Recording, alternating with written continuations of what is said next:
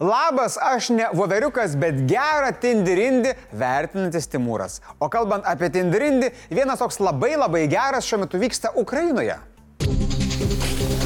Tindirindiriuška, orkai stipriai triuška. Na, gal ne patys triuška, kiek yra triuškinami. Seniau koloradinė biomasė netoli Vuhlė daro kasdien prarasdavo iki 300 jūrų pėstininkų. Vien per pastarąją savaitę orka neteko apie 130 vienetų technikos. Tačiau paskutinė para buvo tiesiog nu, stebuklinga.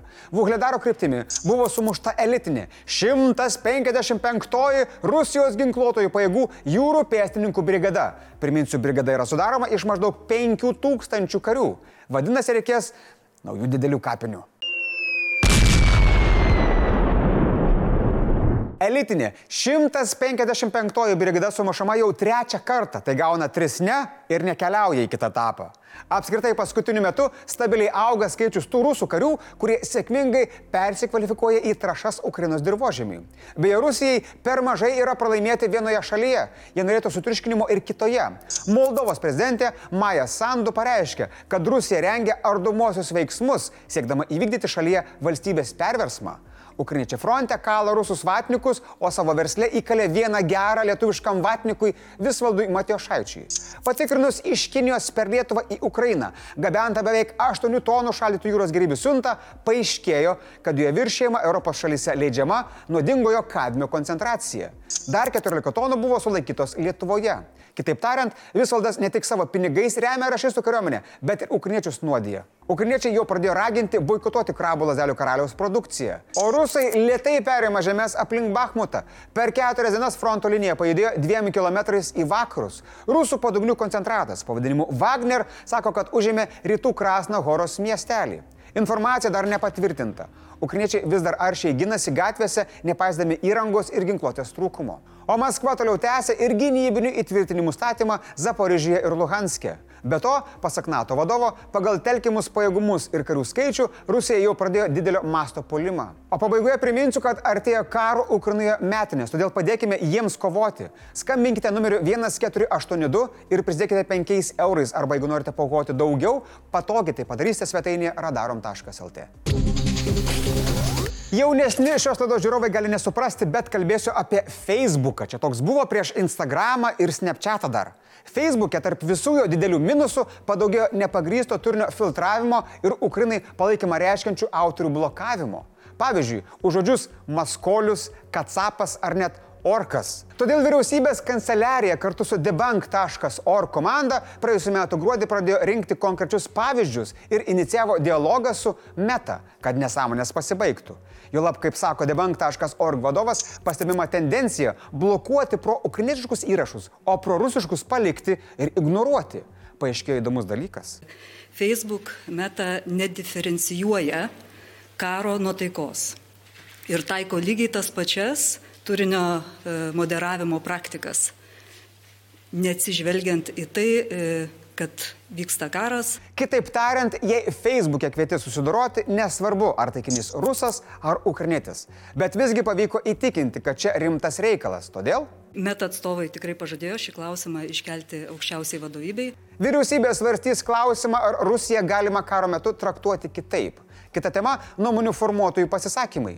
Dėl kai kurių užblokuotų paskirų buvo net sutrikdytas lėšų rinkimas kovojantiems ukriniečiams. Vyriausybė paprašė juos kitaip vertinti savo algoritmuose. Jų vertinimas galėtų būti spartesnis, jeigu įvyko vienas ar kitas na, pavartojimas vieno ar kito žodžio, kuris, kuris e, metos algoritmus įjungia. Pateiktas prašymas, kad Meta ir Facebook prieš įtraukdama kai kurios žodžius į nepagėdaujamų žodžių sąrašus suderintų tai su Lietuvių kalbos institutu. Meta sutiko. Įdomu, apie kokius žodžius eina kalba. Vaizduoklis, linksmalasdė, kas ten dar buvo. Jeigu žinot, parašykit komentaruose, labai įdomu. Labai gražus JAV naikintuvas F-16 sekmadienį kilo į dangų virš Hurono ežero Kanados pasienyje pasitikti ir atpažinti neatpažintą skraidantį objektą. Pastaruoju metu tai jau ketvirtas toks incidentas danguje. Įtariama, kad tai vėl buvo Kinijos šnipinėjimo balionas. Nu, kinai, nu kiek galima, nu. Dieną prieš tokį objektą numušė Kanados pajėgos dar anksčiau JAV, kai objektas skrido virš Aleskos. Vasario 4 dieną dar vienas skridulis buvo pastebėtas virš Pietų Karolinos. Nors įtariama, kad tai buvo balionas, JAV šiaurės vadovybės vadas generolas Glenas Van Herkas sako, kad neatmetamos jokios versijos. Jis vadinamas objektu nebe priežasties. Ta prasme, generolas paklaustas, ar čia galėjo būti nežemiškos kilmės objektas, tokios galimybės neatmetė. Uuu.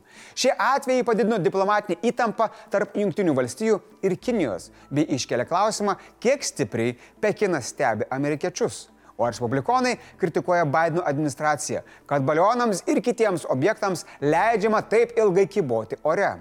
Beje, kinai irgi sako, kad kažką ten pastebėjo danguje.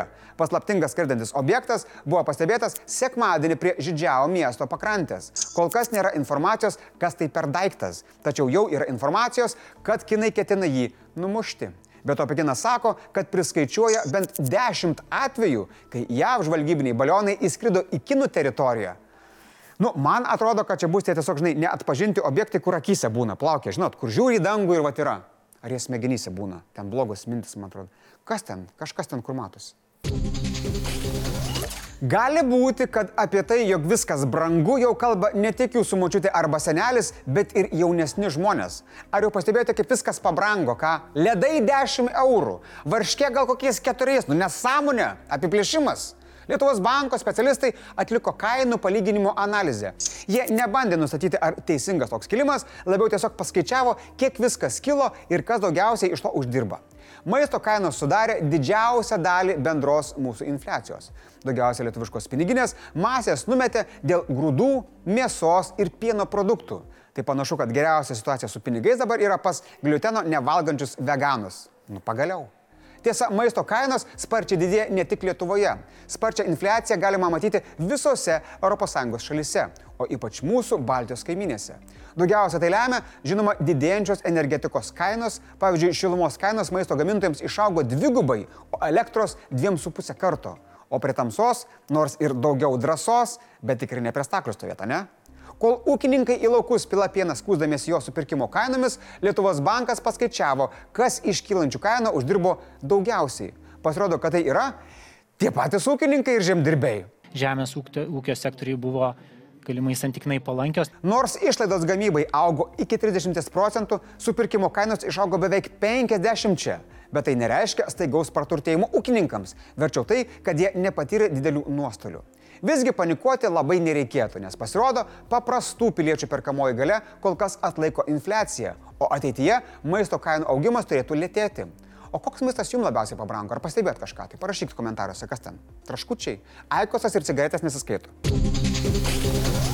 Blitz naujienos. Turkijos ir Sirijos žemės drebėjimo bendras aukų skaičius jau viršijo 35 tūkstančius. Pranešama, kad gelbėjimo etapas artėja prie pabaigos. Vilties rasti išgyvenusiųjų dar suteikia istorijos, kaip Turkijos pietuose iš grįvėsių išgelbėta jauna mergina Mirai.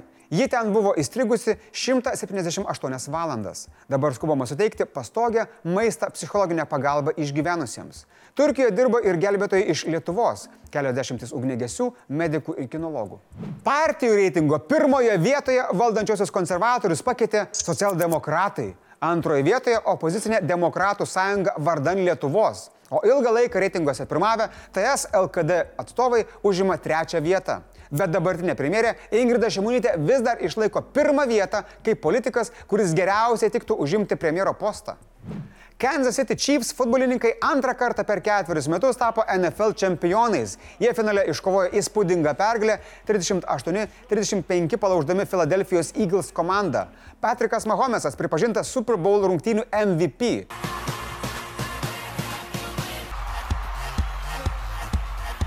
Žiūrovus per Super Bowl pertrauką stebino ir neštukė Rihanna užlipusi ant scenos. Draugai, šiandien komentaruose vėl jūsų laukia du klausimai. Pirmas, galite rašyti, kaip jūs galvojat, už kokius žodžius Facebook'as jau dabar mūsų nebebaus. Ir antra, parašykit, kaip jūs galvojat, kokie maisto produktai pabrango labiausiai. Nu, vat jum, patys pajutėt. Beje, rytoj melės diena, linkiu jai pasiruošti taip, kad ir jūsų odegytė va taip visgėtų.